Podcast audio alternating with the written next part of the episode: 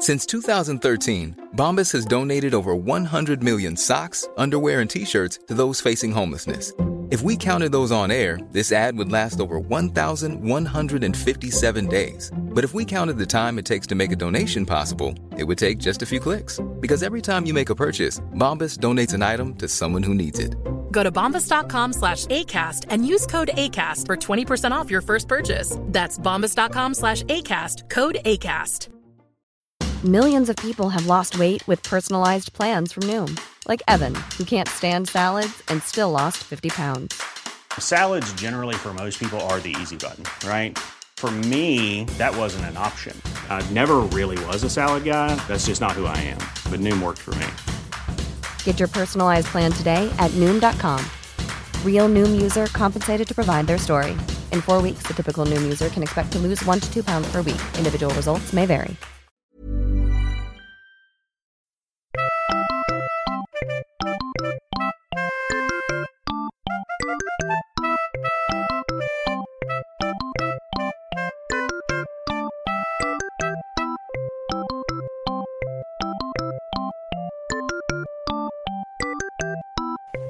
Hej och välkomna till Arkivsamtal avsnitt 34.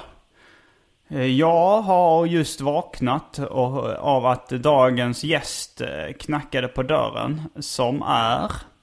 Kristoffer Garplind. Berätta lite om dig själv. Jag försökte få fram min så här Alec Baldwin-röst där, men det sket sig. Totalt känner jag vilket... Har du en imitation? Eller Nej, bara- absolut inte. Jag, det är bara någon slags dröm om, att- om att få det där rosslet. Mm. Men det kanske dröjer några år. Innan han är typ ändå mer än dubbelt så gammal som mig antar jag. Hur gammal är du egentligen? 23, nej 24 till och med. Mm. Eh, är jag. Ja, eh, vi känner, det här är första gången vi träffas idag. Så Du stelt. eh, gjorde någon slags kampanj för att eh, vara med i Arkivsamtal. Mm. Eh, jag trodde först att kampanjen skulle vara så här en Facebook-grupp eller så här, en Facebook-kampanj. Så här, så här, ja, låt mig vara med i Arkivsamtal. Men kampanjen gick mest ut på att du skrev meddelande till mig. Och tjatade. Ja. men jag kände fan att det var dags för mig att få gästa en podcast helt Mm. enkelt. Och ingen bjöd ju in mig. Och eh, det här kändes ändå rimligt på något sätt. eh, Jag trodde att det var den här podcasten du helst ville vara med i. jo men det var det också. Och fan, det, jag kände att det, ja, okej. Det var, Mm. var det såklart också. Plus att jag är inte så värvet kompatibel. Ingen hade brytt sig. Jag har liksom inget, inget att säga egentligen. Förutom jättemycket intressanta saker här idag då såklart Simon. Ja, eh, det, det var så nyss att jag ska åka till Malmö imorgon och höll på att och typ packa och lite annat. Och sen blev jag trött och tänkte jag tar en tupplur. Och så, då glömde jag att vi skulle spela in podcasten just eh, klockan fyra idag. Och så då eh, låg jag och sov när det knackade på dörren.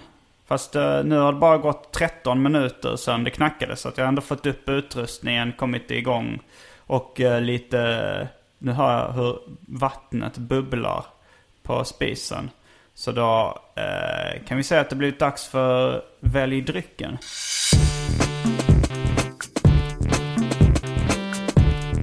Jag tror vi börjar med det fasta inslaget Välj drycken! Eh, vi, vad väljer du av kaffe och eh, diarré? Kaffe. Okej, då går vi och hämtar lite kaffe.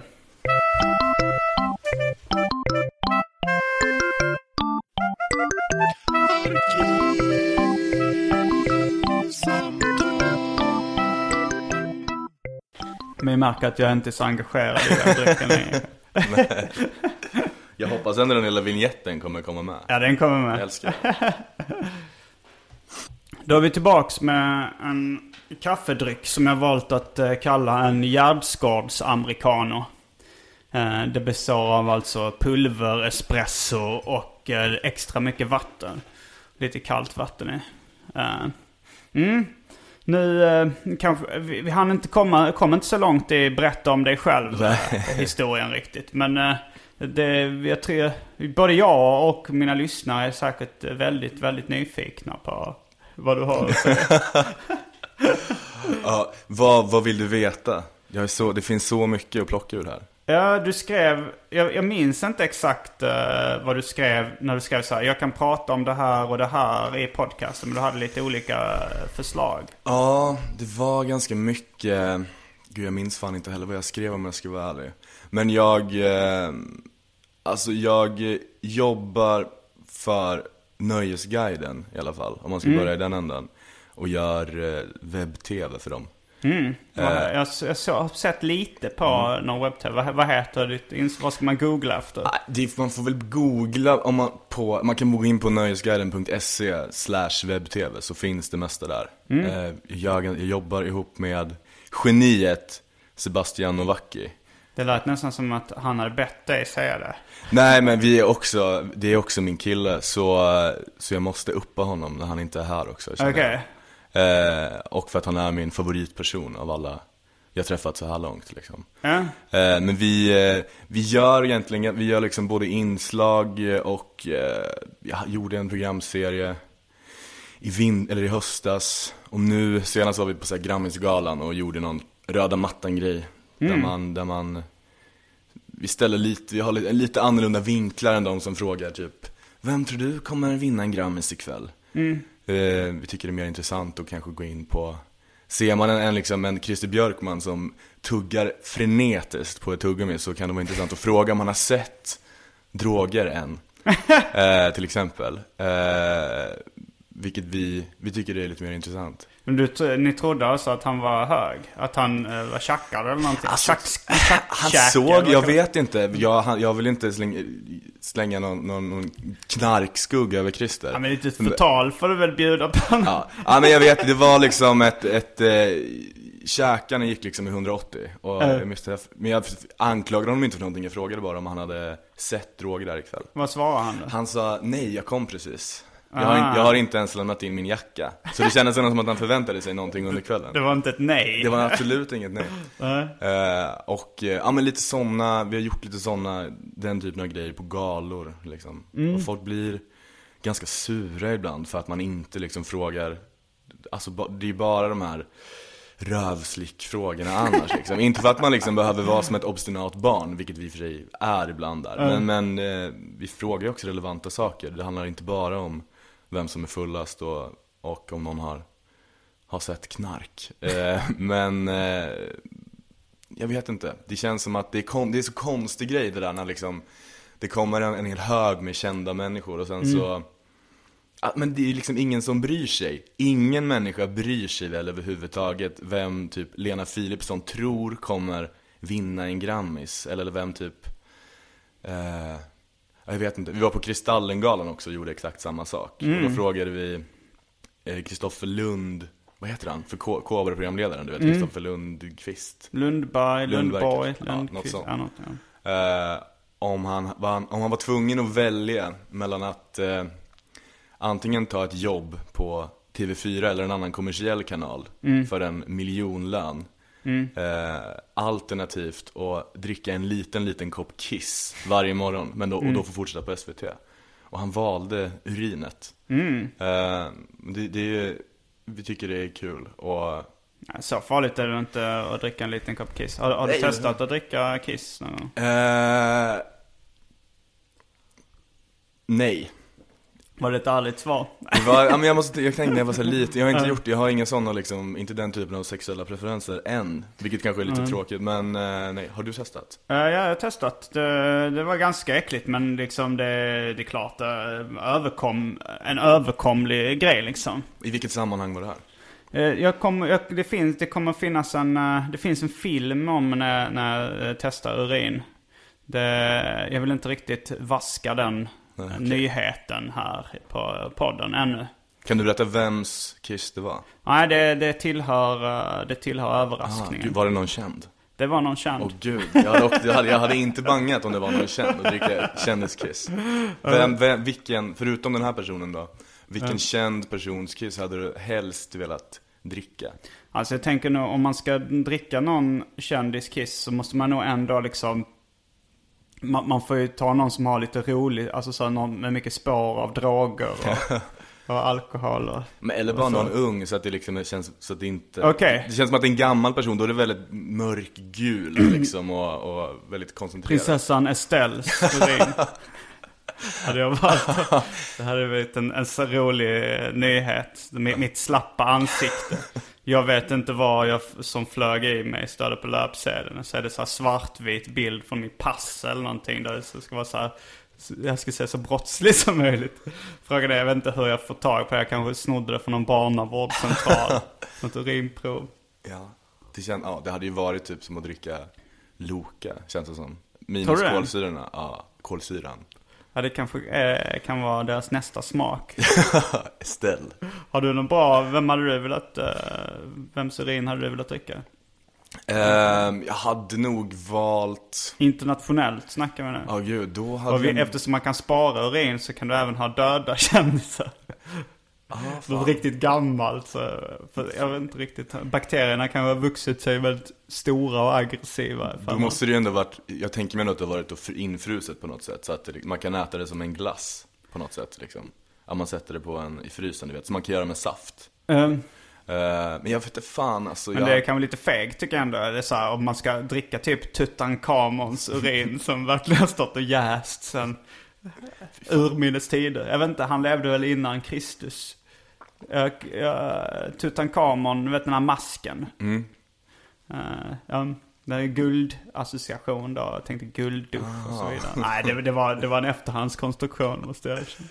jag hade kanske valt ehm, Det hade varit intressant att dricka Per Gessles Kiss Känner jag. Varför jag just... eh, Ja, Men för att det hade varit en, en grej Jag var helt besatt av honom som barn nämligen Ah. Eh, Alltså från kanske sexuell besatthet? Ja men jag vet inte, det kan, fast jag fattade kanske inte då, men Nej. kanske, jag var he- alltså från kanske sex års ålder till Ja men ändå, ja men kanske 10, 11, Mm. någonting sånt, så var jag helt, jag hade, alltså mitt, mitt pojkrum Mm. var helt eh, Alltså uppklistrat med så här bilder på Per Gessle, och det var bara nya bilder och då var han ändå så här.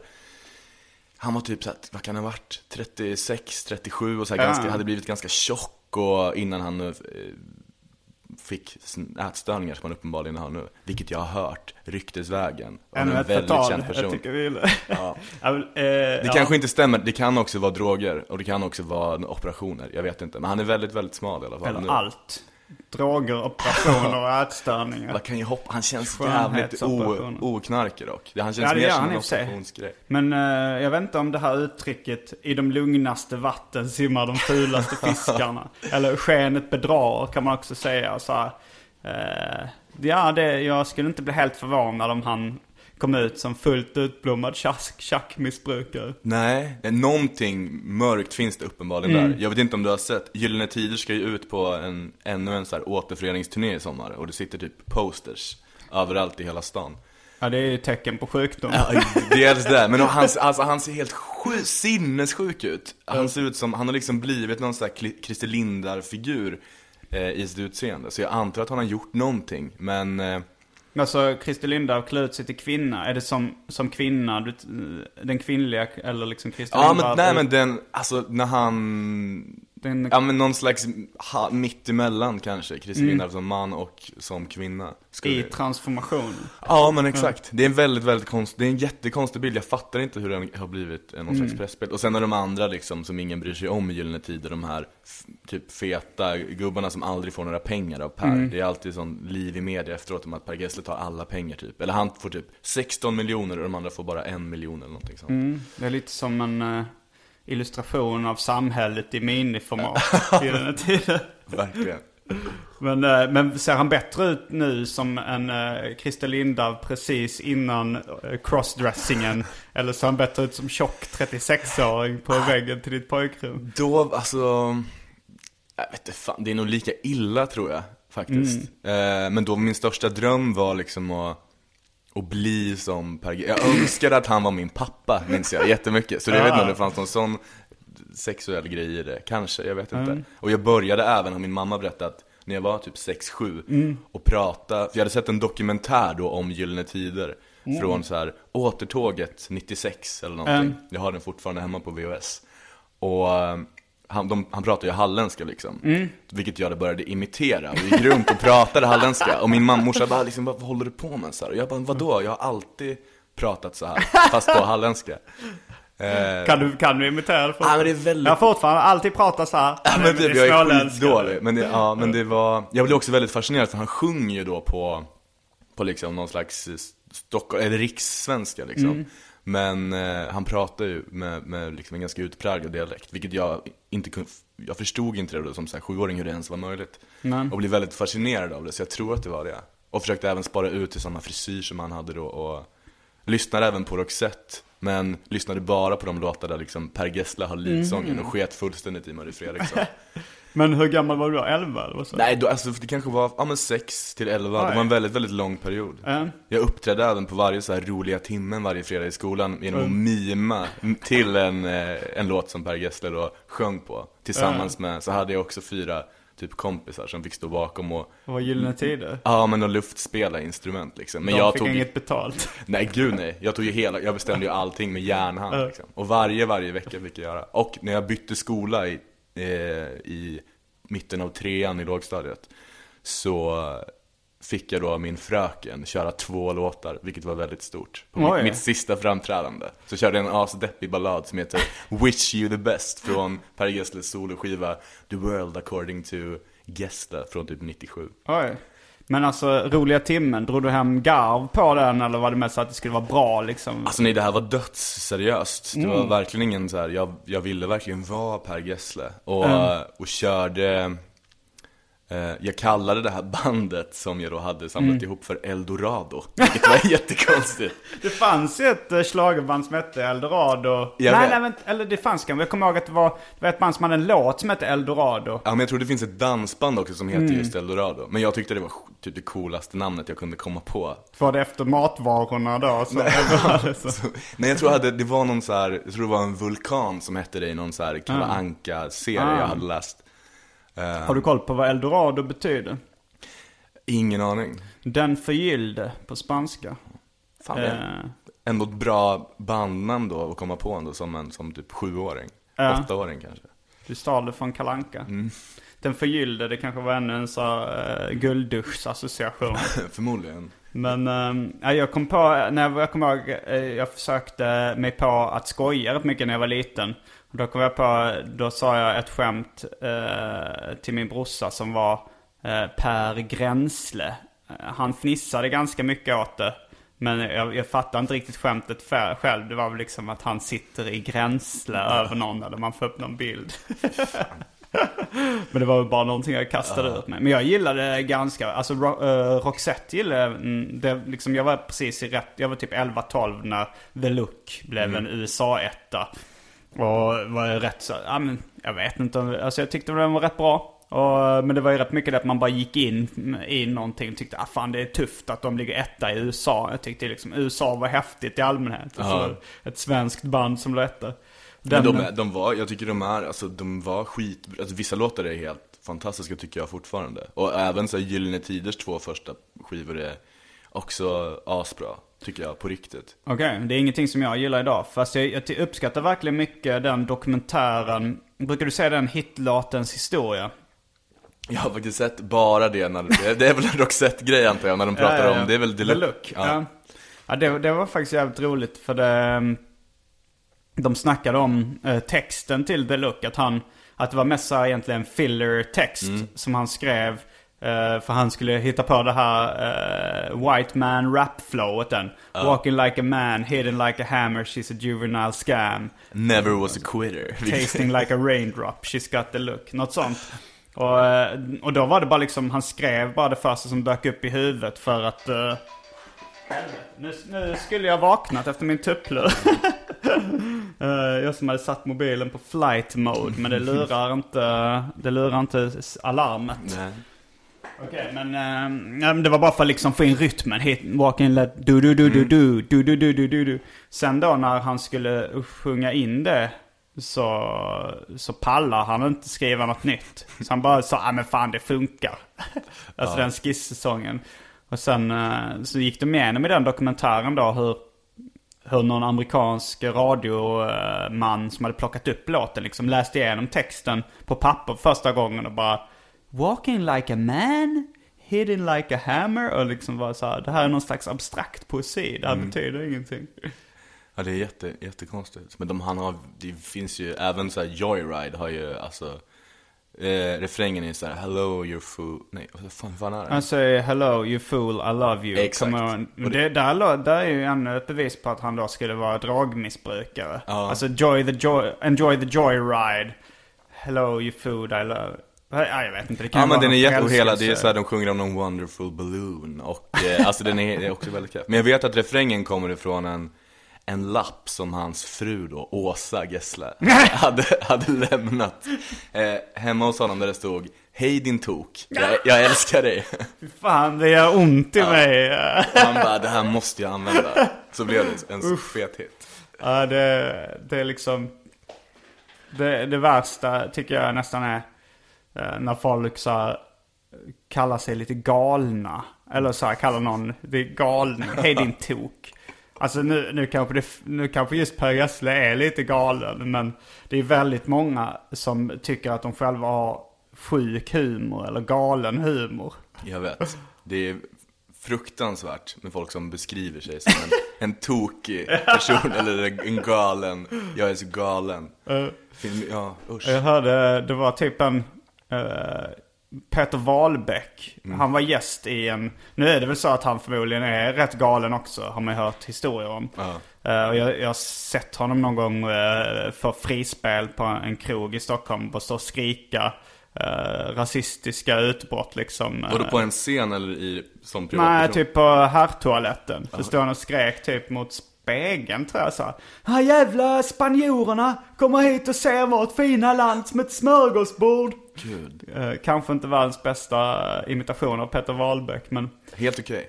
eh, han, han, men han blev intervjuad i något program. Det kan ha varit Mustafas show. Som var ett kortlivat program. Nu, nu kan jag vara helt ute och cykla här. Men kom, kom du ihåg det programmet? Det, det, det skulle vara typ lite som en Ali G aktig, alltså att det var en invandrare. Fast jag tror de har, istället för Ali är lite fejkade invandrare. Men att eh, i Mustafas show hade de en riktig invandrarkille. Och hans catchphrase var 'Här kommer var så god' Och så, såhär. uh, eh, eh, Peter Wahlbeck, här kommer varsågod. Uh, eh, det, det var, blev väldigt utskällt det tv-programmet och jag är verkligen inte säker på att det var där Peter Wahlbeck var gäst. Men han var gäst i något program i alla fall där de liksom presenterade så här. Här kommer han, Sveriges galnaste komiker, Peter Wahlbeck. Och sen kom han in där och sa så här. Alltså jag är inte galen. Det, det sa, säger alla liksom för att jag skämtar så här.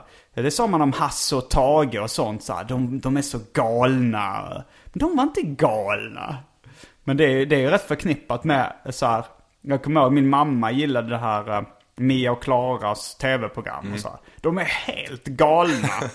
Tyckte hon.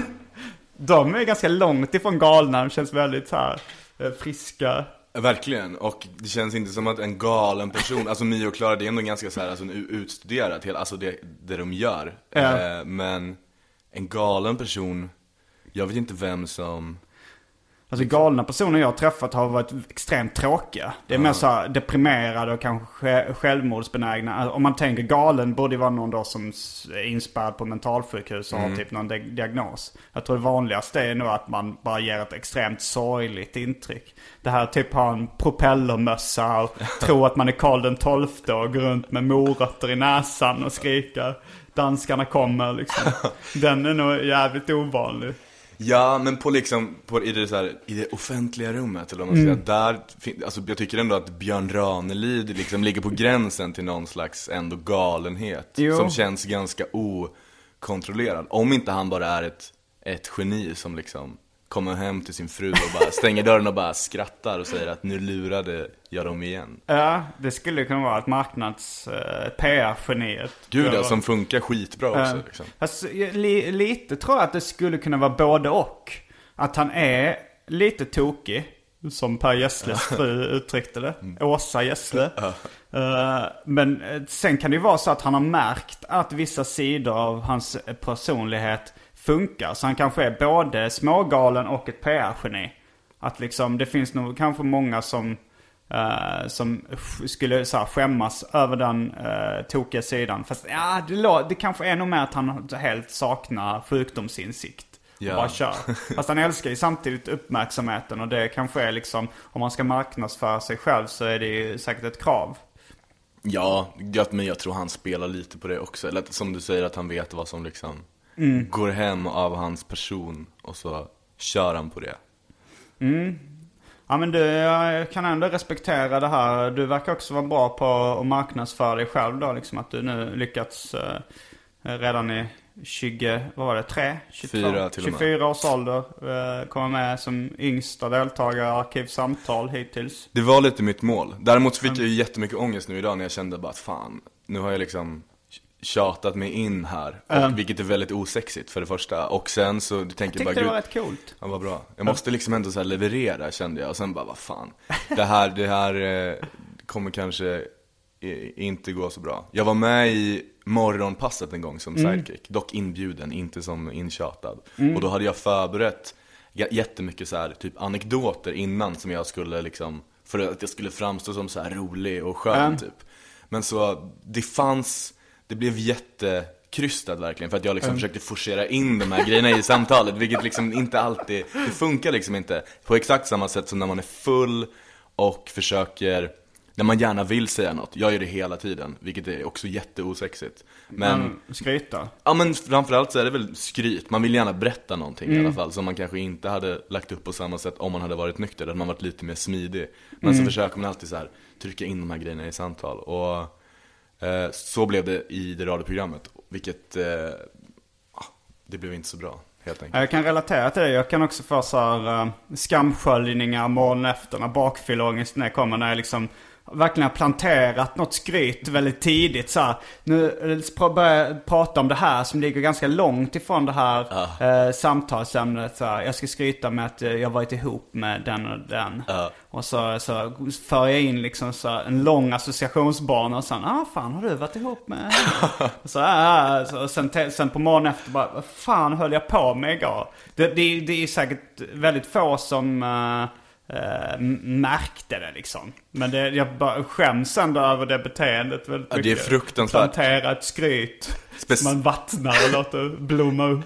Speciellt, men sen dricker man typ så här fyra öl till och då skiter man ju ens i att försöka forcera in Då säger man det bara sen mitt i ett, ett samtalsämne, vilket är fruktansvärt Men vad var det för samtalsämnen du, du eh, forcerade in i, i morgonpasset? Ja men då, jag var där för att de hade någon slags festivaltema Och jag har jobbat som, eh, eh, typ, jag åkte med Christian Antila eh, från Mm. Han är rolig. Mm, han är, han är, Han är galen, galen. han är fan galen. Eh, som, eh, det var också, jag tjatade mig till det där när jag var typ 18 för att jag ville, Mm. jag såg filmen Almost famous och bara Vad är det för film? Alltså, ah, den ja, ja, när de- den eh, turné, eller groupie-filmen. Exakt. Mm. Och så tyckte jag det verkade så nice att åka på turné och jag bara fan, jag typ har alldeles för så korta fingrar för att kunna spela gitarr bra. Jag har liksom övergett den här drömmen om att bli Per Gessle. Så jag eh, bara tänkte att jag måste åka på turné på något sätt, för det verkar så kul. Plus att jag skulle ta studenten och eh, inte visste vad jag skulle göra, så då tjatade jag mig till att få åka med på en turné och sälja t-shirts under eh, Ja, du har inte träffat Christian Antila? Jo, för jag, jag, när jag var så här 16, 17 kanske lyssnade jag jättemycket på eh, hans musik och den typen av musik. Och, eh, så det hade jag, men jag kände ju honom inte direkt. Men eh, sen så, ja, jag minns fan inte hur det gick till, men sen så var jag med där och sen så höll jag på i fan typ tre år nästan och blev någon slags turnéledare till slut. Vilket var jävligt kul. Varför berättade jag detta? Var detta en sak jag forcerade var, in? vad det var, för, vad var det, vilken historia du forcerade in i? Ja, just det, men det var därför jag var med i programmet ja. Mm. Och då hade jag förberett lite roliga, alltså anekdoter från så här. Från vägarna. Ja, lite i på påhittade grejer liksom, som skulle vara för att det skulle, verka, för att det skulle leverera. Men sen, snacket var liksom inte riktigt åt det, det handlade liksom inte så mycket om, jag fick liksom aldrig den frågan om, Nej. eh, kan du berätta ett galet turnéminne? Typ. Aha. Men så ändå så bara försökte jag komma in på det på något sätt och det blev, jag lyssnade på det i efterhand och eh, sen dess har jag fan aldrig lyssnat på någonting jag gjort, förutom när jag klipper då mina program, vilket är ett nödvändigt ont. Eh, Så det funkar inte riktigt. Men jag får som sagt, jag får ganska mycket infall. Det här var, jag bara, jag måste verkligen vara med i en podcast. Jag var förmodligen påverkad av till exempel alkohol när jag fick den idén och bara Mm. skrev till dig. En gång, jag har sökt jobb som hallåa en gång för att, Mm. jag, för att jag också fick ett infall. Och jag är inte speciellt intresserad av att bli, Fick du det? nej. Men? Jag fick ett tack för din intresse. mig. Tack för visat intresse. Ja men typ, men det var också en sån fyllig grej Och det hände ganska ofta. Mm. Men det här, det här kan ju, alltså du har ändå skrivit en fyra, fem Mm, men sen, jag är verkligen, sen efteråt, jag ville ju också verkligen vara gäst. Men det började som ett, som ett infall och sen Mm. så kände jag att jag måste bara slutföra detta. Ja men det är bra. Men Christian Anteli var med i samma eh, tv-program som honom. eh, det här Garage i, i SVT. Till och med uh, Utbildningsradion, UR.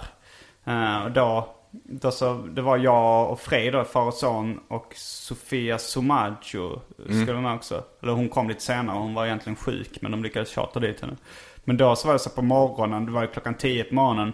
Och, eh, och typ Christian Anteli hade en, en, en flaska juice. Som stod typ en sån här, ja men Brämhults uh, apelsinjuice eller någonting. Och när han var på toaletten var jag så jävla törstig så jag drack, snodde lite från hans juice. Och då märkte att han, den var full med typ whisky. Ja. Som han drack eh, klockan 10 på morgonen. Och sen han- körde han. Han var ganska skakis.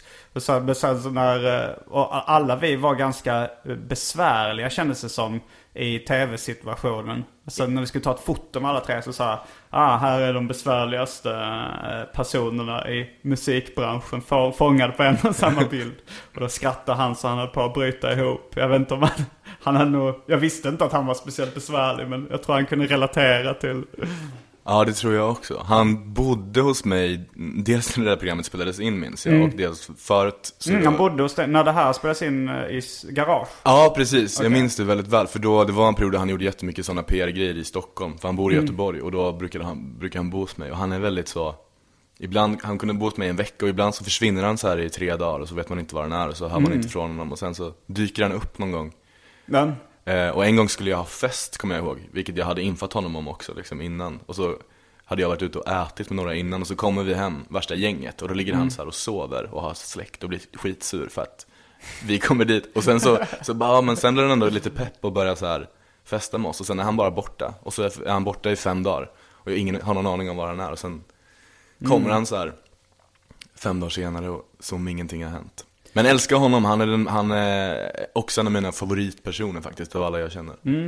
han är lite bipolär eller någonting har mig läst i en intervju. Eller någon, något, Ja, någonting. han, han, har väl, han har väl dragits med en del psykiska besvär.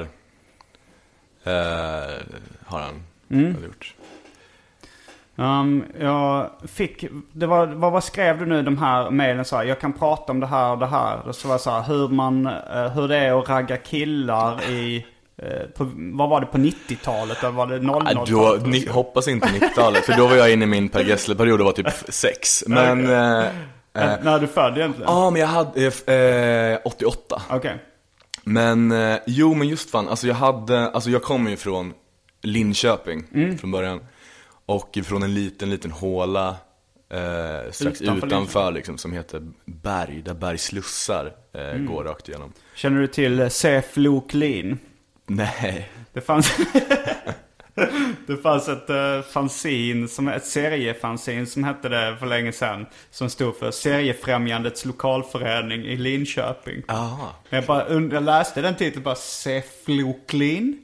Ja, fortsätt, fortsätt. Du kom från, Eh. utanför Linköping. Ja, precis. Och där, eh, det var inte så jävla kul liksom att vara en HBT-person och, och växa upp i den där lilla hålan. Så då får man ju, om man tror man har en bild, i alla fall jag, man var ju sjukt förvirrad av liksom alla möjliga saker när man liksom var i den perioden när man liksom växte 20 cm per dag typ. Hur gammal var du när du kom ut?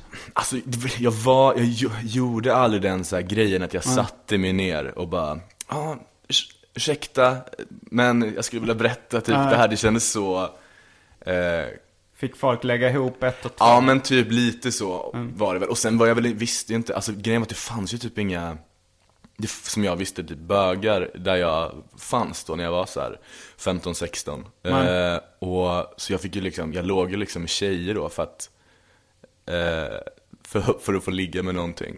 Men sen, eh, vilket jag också, då tyckte jag väl det var kul liksom också. Eh, och Men har du, har du, alltså så här, hur bisexuell är du då liksom om du ändå Ja men nu, jag vet den. nej men ja, men jag vet inte. Nu känns det ganska ointressant att, att ligga med en tjej. Men jag har ändå gjort det, det var inte superlänge, det kanske är ändå, jag gjorde det kanske för tre år sedan senast tror jag. Men tror du på det liksom att man kan vara typ 80% homosexuell och, och resten... Eh, Jag vet inte, jag tror, jag tror att, jag vet inte, jag antar att en sexualitet kanske inte nödvändigtvis behöver vara konstant genom Nej. hela, eller jag, vad tyder på att, eller jag vet inte fan. Men, eh, eh, jag har ingen aning, jag tror att det där är jätteolika för olika Ja. personer. Men eh, nu känns det ganska avlägset att ligga med en tjej. Men fan jag vet inte. En gång, när jag var fan 20, vilket inte är så länge sedan, så tänkte jag bara att fan man kanske borde bara testa att bli så här. Jag ville bara testa om det, om det gick. eh, Om det funkade. Sen Gick har jag, ja men det gick. Ja. Och sen har jag haft så här, ibland har man trott att man så här, kanske blivit så här, kär i någon. Mm. Eller kanske blivit det typ i någon tj- tjej. Fast egentligen kanske det handlar om något annat liksom. Jag vet inte. Men då har det ju kommit naturligt. Men när jag var så här 15-16 så gjorde jag det. Men sen upptäckte jag liksom att det fanns sidor på internet där man kunde få kontakt med andra. Eh, vad var det för årtionde då? Jag tänkte liksom internet. Det, Ja, det det borde man ju kunna räkna ut. Jo, jo, men jag, men jag, vet- jag inte de, alltså, för grejen var också den att jag hade liksom bilden av homosexuella som jag hade, som man liksom har blivit uppvuxen med, är ju liksom en väldigt stereotyp. Jag kunde inte alls identifiera mig med, med de man såg på TV liksom, vilket Nej. var typ så här Christer Lindar-figurer och eh, typ Jonas Gardell. Och inget ont om dem överhuvudtaget, men jag kunde liksom inte identifiera mig med den bilden överhuvudtaget. Så det, därför kände jag, jag bara, nej men jag är nog inte det här liksom. Så det tog Nej, ganska lång tid innan jag insåg att, jo men jag är nog det ändå. Men Mm. sen hittar man ju så här, ja men jag hittade den sidan och det är ju 80% är ju liksom gubbar som vill knulla med barn i stort sett. Eh, Eh, och man får ju, det är sjukt mycket det är nog på hetero-sidor också. Gud ja, men det är, bara, men, men det är ju bara, alltså, det är ju fan, det är så sjukt egentligen. Jag var i eh, New York med min kille i våras ett tag och då hängde vi där och då var vi ute på en jävla bar och då satt det någon gubbe där som började bjuda oss på drinkar. Och han sa direkt bara, för han var, vi fattade att han typ var bög. Han var liksom tjock och hade någon hawaiiskjorta och hette Frank och eh, Det låter lite som motsatsen till klichébilden. Ja men han var, hade en aura. Dåligt klädd fett och Ja men han var också en professional singer and actor typ. Och eh, började bjuda oss på skitmycket drinkar. Och eh, Men sa ganska tidigt, han bara oh, Hey guys, här, jag kommer inte försöka ligga med er, I'm not a perv typ. Och jag bara, "Mm, okej, vad skönt. Typ. eh, Eller kul för dig. Men sen hade det gått ett tag och då så Så ångrar han sig. Ja men verkligen, och då började han så här fråga, han bara Åh, typ det ser ut som att eh, you give really good head right? Typ, och bara den typen av frågor. Eh. Och bara, åh det måste vara så sexigt när ni ligger med varann. Och den typen av grejer. Och då kände vi att det var dags att dra liksom Men ville ändå vara artiga med tanke på att han hade kanske bjudit oss på så här fem Jack och Cola var eh, Men då sa han att han skulle ta med oss ner till piren för att det var så fint där på, på nätterna på någon, i typ Greenwich Village och vi bara nej, typ, vi måste nog dra hem. Och så, han bara, men jag följer till tunnelbanan. Och då försökte han liksom förvilla, alltså gå med oss till piren ändå. Vilket, vi, vilket vi sen förstod då. Så vi fick typ springa ifrån honom. Oj. Hur gamla var ni då? Nej, det var ju ett år sedan, så vi var väl 20, han, ja, vi var väl 21 och 23. Två. Jag kanske inte tycker att det är så perverst att en vuxen man vill lägga med 23 år. Nej, ja, nej, då var det inte, men det var mest, alltså det här var mer som, som när alltså att män alltid vill knulla, känns det som. Äldre män som, att de alltid, jag menar att de alltid, alltid, alltid är ute efter att ligga. Speciellt när Mm. han säger då, jag kommer inte, jag, jag kommer inte försöka ligga med er, Nej. bara så ni vet. Men sen så är det ändå liksom det slutgiltiga målet. Och så blir han sur då när vi sen inte vill det, trots att han liksom Ja, har lagt upp ju, det så. det är ju det största felet han gjorde tyckte jag. Ja, Det men var- mm. angående då internet där och jag hängde mycket på en sida som heter cruiser.com. Eh, och då fick, kom man i kontakt med, det fanns ju liksom några guldkorn i den här högen av folk som jag var totalt ointresserad av. Som liksom kanske delade samma, man hade samma musiksmak. Jag var ju liksom en jätteklyscha. Nej men då hade jag släppt den grejen. Men då var jag dock en eh, jätteklyschig, lyssnade du vet på så här Kent och Broder Daniel Mm. och eh, Manic Street Preachers och liksom den typen av Depp. Deppmusik, exakt. Och så hittar man ju folk som var typ likadana. Och för Var mig du deppig i den? Ja men extremt, extremt deppig.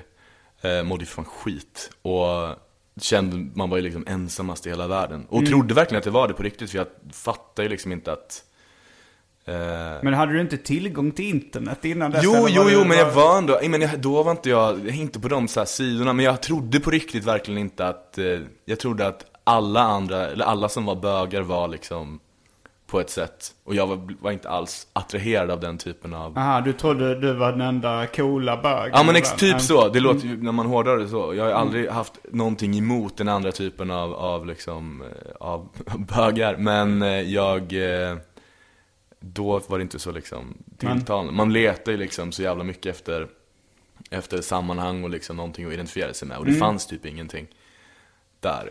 Men sen hittar man ju folk till slut och det var ju fan Men inte i din stad då gissar jag på. Nej, sen flyttade jag till Fagersta när jag började gymnasiet. Eh, För att jag Låter också som ett ställe att flytta Nej, det till, var också jättekonstigt. Men jag, jag gick på, jag kom in på ett så här vattenskid och wakeboard gymnasium. För att jag höll på med det jag tävlade jättemycket där när jag var yngre. Och eh, då finns det ett sånt, de har riksintag där så tar de in typ fyra pers om året i Fagersta. Men man får dock åka till eh, USA i typ två månader varje läsår och bo i ett hus i liksom Louisiana eller Florida. Och eh, för att liksom träna då på försäsongen. Det låter skitfett. Ja. Måste man pröjsa för det själv? eller? Nej, man måste pröjda, det betalar skolan och Riksidrottsförbundet.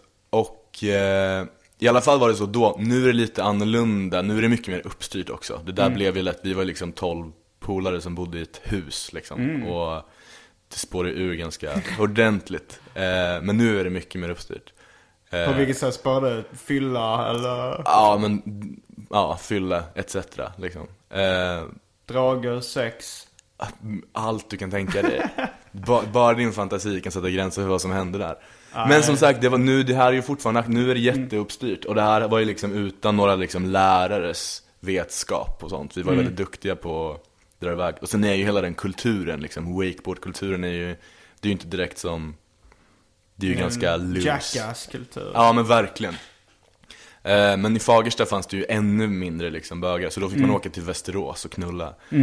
Eh, Man fick ta ett tåg som tog en timme. Så träffade man dem man ha- hade pratat med på internet, man var skitnervös och sen gick man hem till den, i bästa fall, till dens farsa som bara hatade bögar. typ.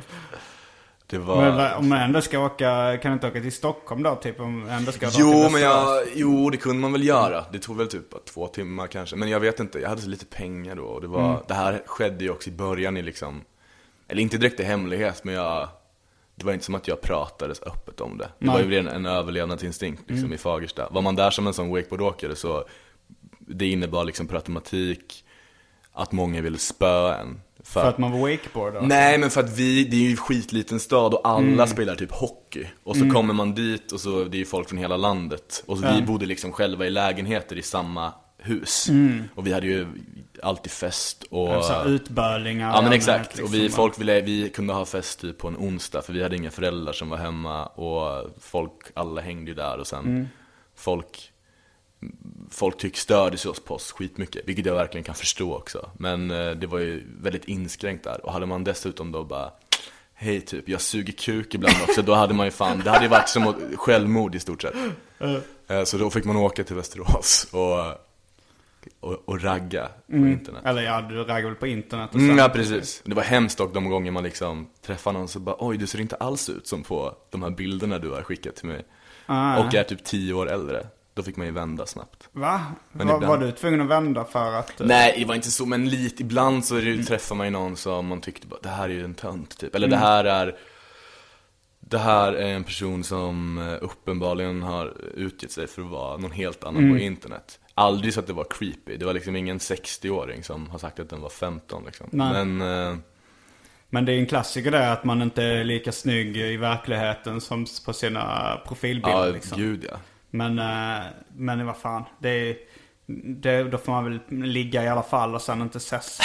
Det är nästan lättare på något sätt än att... eh, För att slippa liksom- bara- än att jag kommer ihåg, jag hörde någon intervju med Kristina Lugn. Mm. När hon hade, det var nog innan internet liksom, men hon hade typ brevväxlat med någon. Ja. Och sen så skulle de liksom på en blind date så kom killen in på kaféet eller vad det var och bara Nej det här kommer inte funka och bara vände. Fy fan. Det är rätt taskigt att kunna... Det är jättetaskigt, jag la aldrig upp det så. Det hände en gång att jag vände liksom. Men då var det Mm. mer, men då var det också Jag minns inte vad det var, men jag, det var fruktansvärt i alla fall, minns jag. Och det var jättestelt och så sa jag bara, åh, mitt tåg går nu, typ. Så jag gick efter typ en Ja, var, halvtimme. var det att den eh, killen var ful då eller vad var det som var problemet? Ah, det var väl att den personen kanske i mina ögon hade ett ofördelaktigt utseende. En manlig Kristina Lund. Ja, jag älskar i och för sig Kristina Lund. Jag ser henne också hela tiden, vilket är helt sjukt. Jag har vissa personer jag ser, alltså kända personer Bor du nära henne då kanske? Jag vet kanske, men det här, jag har flyttat runt, jag har fan bott i Stockholm i fyra år typ. Och eh, fan sett henne jätteofta. Det är henne, Veronica Maggio, Oskar Lindros. Eh, vilket är kul. aldrig samtidigt dock, av förklarliga skäl kanske. Och eh, sen är det någon mer. Du bor alltså vid Nytorget. Mm. Du, när du berättade eh, nyss innan vi slog på mickarna så tyckte du du skämdes lite så här. Jobbar på Nöjesguiden. eh, bor vid Nytorget. Ja men det är ju någon, någon det, är ju, det blir ju lätt någon jävla hipsterklyscha liksom. Mm, så. Du har en liten mössa på huvudet också. Ja men det är bara för att jag hade så jävla bråttom hit och jag hade gärna inte velat, det är ingen sån, ja, eller vad fan, ja, jävlar då hela den. So sue me Simon. Ja, jag har ju gubbkeps på mig också. Jag vet inte hur poppis det är just nu men det... Det är du och han Ulrik Munter som är med i Melodifestivalen, Ja. men du kanske inte konsumerar den typen av... Nej, jag tycker det. Jag gjorde det när jag var liten. När, när eh, låten Eldorado var stor. då, då kollade jag på Melodifestivalen. Men eh, det är ju det är inte så bra musik. Det är För in, mig, absolut inte så bra musik. Men Eller- vi ska göra ett, eh, ett eh, program nu nästa vecka. Om, vi ska dit på själva finalen och Mm. jag och Sebbe och göra vi funderar på att ta rygg på en Se och Hör-reporter som vi älskar om hon ska dit och kolla hur hon, man tar den vinkeln på det istället. Mm. Men vi, så vi måste hålla oss ajour i det i alla fall. För vi ska göra något, vi ska ta hem Jean-Pierre Barda och sen kommer en till person hem till oss nästa Ah. vecka så vi ska spela in någon sån inför-grej typ. Jag läste just uh, Hanna Fahl skrev på Twitter att de hade sparkat La Camilla i, i eh, Army of Lovers. Igen? nyss. Ja, alltså nyss hade de gjort det. Ja men hon, var ju, hon kom ju precis med igen när de var Ja. med här för typ en vecka sedan. Men Ja, hon, kanske- så. de gick, det gick ju inte så bra, så de kanske... typ slängt in Dominika. Ja men det är ju skitlänge sedan, det här är fan på 90-talet. Nu, har de ju, nu är det ju omvänt, nu har ju Dominika åkt ut och La Camilla kommit tillbaka. Och så är de, har de gjort en sån comeback Aha, med... är du säker? För jag, fick, jag, jag läste det idag och då, då fattade jag det som att de hade, de hade gjort... För, för liksom det här var ändå ett, så här, ett massutskick på e-mail. Och när de sparkade henne första gången fanns väl inte e-mail för vanligt folk. Aha, och nej, det då kanske de har var gjort det- Hanna Fahl var, det måste vara de senaste sekunderna. Eller, Ja men då det var- kanske de har gjort det nyligen då, för att de inte typ gick vidare till final eller någonting. Bara, Ja, eller att de bråkade någonting. Hon skrev att det var kul att det var så mycket drama kring eh, Army of Lovers alltid. Ja. Att det var, så, här, men att typ uh, mejlet var alltså, ställt till eh, Camilla Hänemark. Och sen var det CC till alla andra liksom. Och så Ja. undertecknat med alla andra medlemmar. Så det var verkligen så här passivt aggressiv Oj. mobbing på något sätt. Liksom. Du har fått sparken. Och så CC alla journalister som, eh, som var inblandade i musik, Melodifestivalen liksom. Bland annat Hanna Fahl då. Är det sant? Har, Fan vad... Träffar du på Hanna Fahl när du är ute på dina Melodifestivaler? Nej, jag har aldrig varit, vi har inte gjort den typen av grejer, Nej. men det, det handlar mest om att vi, ska göra en grej nu inför den här finalen då, för Nöjesguiden. Mm. Eh, annars hade jag kanske inte varit så insatt eh, i det. Eh, men nej, men kanske hoppas, älskar henne, hoppas träffa henne på, på finalen. Hon har varit här, hon har fan varit gäst här flera gånger. Mm. Ja, tre Ostsnacks eh, specialen hörde jag. Mm. Eh, ja, hon är så fantastisk. Ja, hon berättar mycket om sina fester på Christer Björkmans hotellrum efterfester. med sina kompisar som var reporter på någon annan tidning som var väldigt dramatiska. Och typ grät när någon dissade deras favoritlåtar i schlagerfestivalen. Tuggar väldigt mycket tuggummi också kan jag tänka mig, på de där hotellrummen. Jo, jag tror det. Jag, jag, jag kan inte tänka mig riktigt Halla Fahl som en riktig liksom pundare. Nej, men Eller, det är inte- alltså, bara, inte, inte en sån här festknarkare. Jag, jag har ingen aning om vad hon har för dragvanor. Så jag, jag ska inte slänga in ett slappt förtal här heller. Men jag ser inte, jag har väldigt svårt för henne att bara sniff, se henne sniffa i sig en lina. Ja, jag menade kanske inte henne specifikt, men jag tror att i melodifestivalvärlden, i den där schlagervärlden, tror jag fan det är mycket droger som figurerar. Annars, hade väl ingen, annars hade de väl inte liksom uppträtt med de där låtarna som de har överhuvudtaget. Menar du då? Ja men det är så, det är så, det är ju, alltså musik, låtarna är ju liksom, alltså nio av tio låtar är ju skitdåliga. Och det är konstigt att, att det liksom på något sätt är, och det är alltid han med långt, gubben med långt, Thomas Gesson, som en gubbe heter, som har typ skrivit fem, 60% av alla låtar som tas ut. Och det är ju alltid, det är ju bara skit. Jag Ja. älskar Army of Lovers-låten, men resten är ju fan bara skit. Men jag förstår ändå inte hur eh, du drar parallellen, därför måste de knarka. Ja men för att ska man gå upp på scen och, och liksom uppträda med en sån jävla skitlåt så tänker jag mig att då måste man liksom ha något att se fram emot efteråt.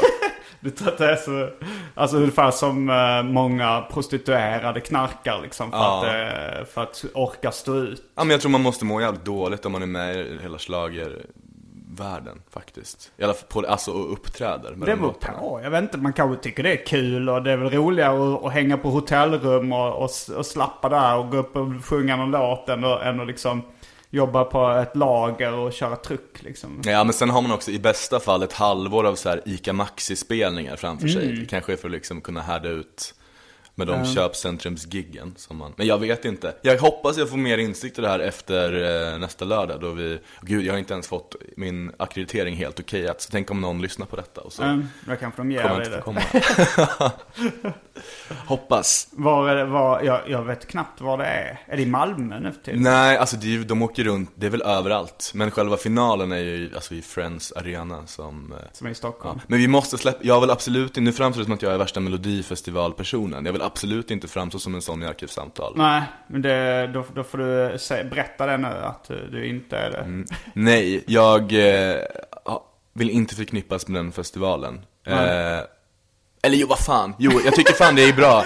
En gång, jag vet, jag har hört att, jag har hört att den här festivalen kan vara väldigt gripande om man röker en spliff och kollar på, på själva livesändningen på TV. Att det blir en, om man, att man kan få en bild av liksom, att dramaturgin blir väldigt att Ja, men det är lite fusk tycker jag liksom att, så, att någonting är bra när man rökt på. Ja, det, det känns som att det, allt är bra. Allt, ja, allting blir bra. Man blir totalt okritisk. Mm. Det är som barn och asiater. De gillar allt.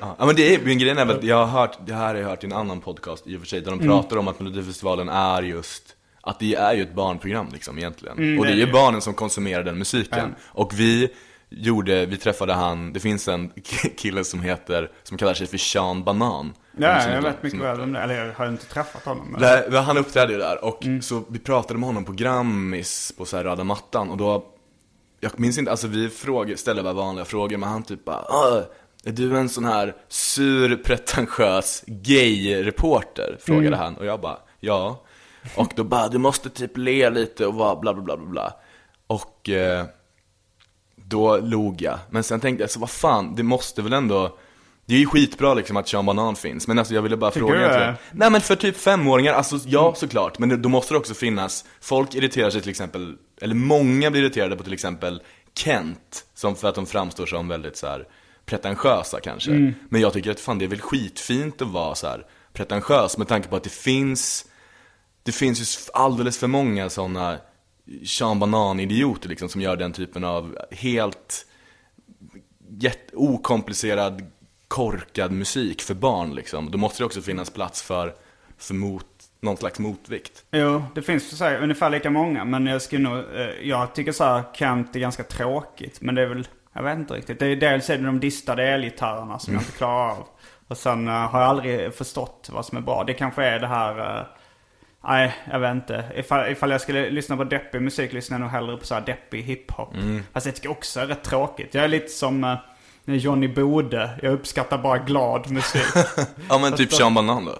Nej, alltså eh, det är bara glad musik men inte all glad musik. Nej. Nästan bara glad musik. Alltså så här, det, kan, det kan vara coolt också liksom. Eh, men så här, en sorglig melodi gillar jag nästan aldrig liksom. Men, det, men ifall det är någon, om man tänker till exempel, nu ska jag ta ett exempel som alla känner till. Drop it like it's hot. Den är ju ingen varken sorglig eller glad melodi. Det är knappt någon melodi alls. Det låter bara lite coolt liksom. Det, det kan jag uppskatta också. Det är ju en hårfin gräns där när folk använder humor i, i musik. Som jag gör till exempel i, i låtarna liksom. När, för det finns, det finns ju de som använder humor som ändå liksom lyckas hålla kvar någon slags trovärdighet. Alltså så här, man tänker Beastie Boys och Eminem och Ludacris och sånt kör jättemycket med humor men anses ändå vara coola. Och sen finns det, eh, sen finns det liksom Markoolio och Sean Banan som är liksom andra sidan spektret. Det är svårt att veta exakt när någon trillar över. Eh, Ja. Jag vet inte om det finns något mellanting. Jag tycker det finns ju, till exempel, om, för att återgå till mina all time favorites, Kent då till exempel. Där Du finns menar det, att de använder mycket humor? Ja men på ett sätt som liksom, det är ganska mycket, de har ju ändå så här mycket självdistans, vilket man, alltså, det är bara att kolla Det finns ju en låt där en barnkör så här hela tiden replikerar till Jocke Berg Man blir trött på ditt jävla gnäll Vilket Mm. Ja, ja, liksom, någonstans Jo, det har jag hört och jag har förstått att det är humor. Men, Men det är ju inte, inte. nej, det är inte samma typ av, av, av, eh, av humor kanske Men, nej jag vet inte fan, ja, men det är, det är en jävla stor skillnad på, på Det är nog lite när man riktar sig till barn som man trillar över gränsen tror jag. Kanske lite. Ja, och vadå humor, det är ju uppenbart, alltså humorn är ju så Sean Banan-humorn är ju, känns ju jätteriktad till barn liksom. Ja. Det gör ju kanske inte Las Palmas-humorn eller whatever. Nej, men samtidigt så vet jag inte. Det kanske var så att, uh, att Sean, för att det var någon, eh, en tjej jag snackade med som hade var, av någon anledning hade varit på en Sean Banan-spelning. Jag tror hon fick, hon sa hon fick en gratisbiljett eller någonting. Vadå, Att- det är, så köper man en, det är väl bara så här Ica Maxi-uppträdanden tänker jag? Eller det kanske men då var det för att han hade kommit in med en stor så här, spliff på scenen. Alltså en meter lång. eller så här, en leksak, en låtsas-spliff. Wow. Men ändå liksom, eh, och så rökt på den. Eh, men då var han kanske i gränslandet på vad han riktade sig till. Jag kan tänka mig, var inte han med i typ någon dokusåpa eller någonting i början och då typ var med, kanske körde humor fast sen var det så låg humor så att det var mest barn som uppskattade. Och då sadlade de om och började rikta sig till barn. För jag tror där, när han var i den här röka gigantisk spliff-humorn, då försökte han nog ändå rikta sig till ungdomar och vuxna kanske. Men det är klart, det antar jag att han, jag tror att han vill liksom Jag Mm. tror inte han kanske nödvändigtvis vill ha femåringar som, Nej. som publik. Men det har ju också tagit till exempel folk som, ja men Erik Sade och den Mm. Danny liksom. De, de har ju för sig mycket yngre tonåringar kan jag tänka mig. Men där är det också jättemycket barn.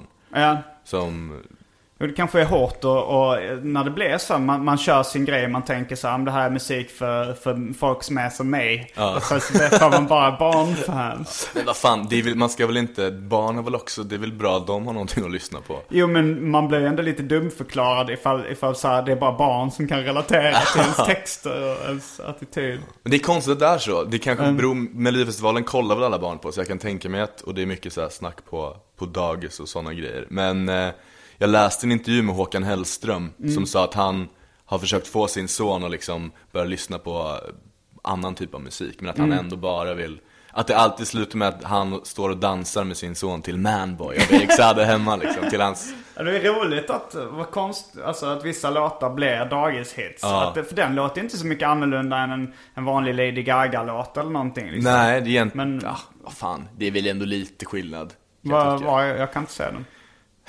Jag, jag vill kanske bara tycka att det här är skillnad. Eh, men jag vet fan. Nej, det kan, ja, nej. Men det är ju bara dåligt, det är fan, det är ju bara skit, men det är ju saker man har hört hundratusen miljoner gånger, så kanske du tycker om Lady Gaga då i och för sig. Men jag, tycker, ing- alltså, Men det känns som vanlig att- musik. nej, men jag tycker bara att alla de här, Erik Saade, Danny, alltså jag har ju uppenbarligen bara hört singlarna liksom. Det är inte som att jag har grävt djupare i detta, men allt Nej. låter ju bara som, det är ju olika versioner av samma låt hela, hela tiden tycker jag. Ja. Vilket i och för sig jättemånga tycker om till exempel Kent också. Ja, alltså tycker eh, om alla genrer där folk inte är insatta, så här hiphop och techno och sånt. Ja. Att allt, det är den vanliga kritiken, allting låter likadant. Det är en rätt konstig... Så säger alla gamla människor, säger ju alltid det om så här, Ja, det gör de. Dunka dunka, typ. Vad ska du göra nu då, idag? Ja, b- vi, bara, vi har redan gått över en timme. Ah, Jag ska faktiskt snart åka och dela ut ett pris på Ah. Stockholmspriset. Eh, På Som Nöjesguiden? Ja, precis. Eh, I vilken kategori? alltså alla, men jag tror att, jag, jag tror att Ja, alltså, du är den allmänna utdelaren. Nej men jag ja. tror, jag och då Sebbe som jag jobbar med, vi Mm. ska Karl Hermansson är konferencier för hela galan, men jag tror att vi, jag vet inte. Jag borde ha tagit mer, reda på mer info om detta. Jag tror att vi mest bara ska komma ut och typ, alltså rent fysiskt överlämna priserna på någon scen. Eh, och typ eh, ge folk blommor eller något. Jag vet inte, jag hoppas inte jag ska säga någonting för jag har inte förberett något. Men det lär visa sig när vi kommer dit. Så jag ska väl få innan dess sänka några glas så att jag är lite avslappnad och kommer i, i mode. Vad- Välj drycken. Och då blir det eh, kanske en, eh, någon whisky. Och eh, med mycket is så att jag kan svepa det. Det var allt från uh, Arkivsamtal den här veckan. Jag heter Siri Gärdenfors. Jag heter Kristoffer Garplind. Fullbordat samtal.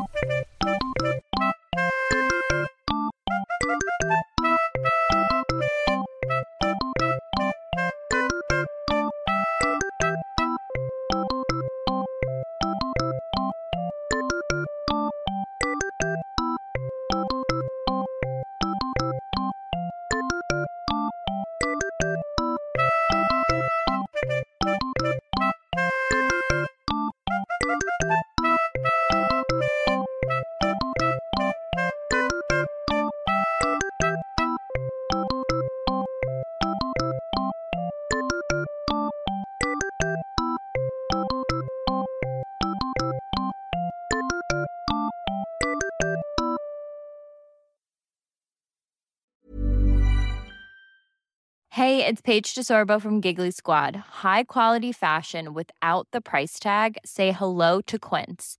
I'm snagging high-end essentials like cozy cashmere sweaters, sleek leather jackets, fine jewelry, and so much more. With Quince being 50 to 80% less than similar brands.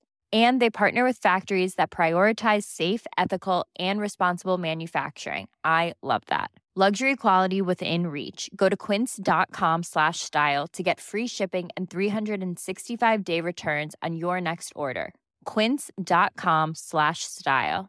Mom deserves the best, and there's no better place to shop for Mother's Day than Whole Foods Market. They're your destination for unbeatable savings, from premium gifts to show-stopping flowers and irresistible desserts. Start by saving 33% with Prime on all body care and candles. Then get a 15-stem bunch of tulips for just $9.99 each with Prime. Round out Mom's menu with festive rosé, irresistible berry chantilly cake, and more special treats. Come celebrate Mother's Day at Whole Foods Market.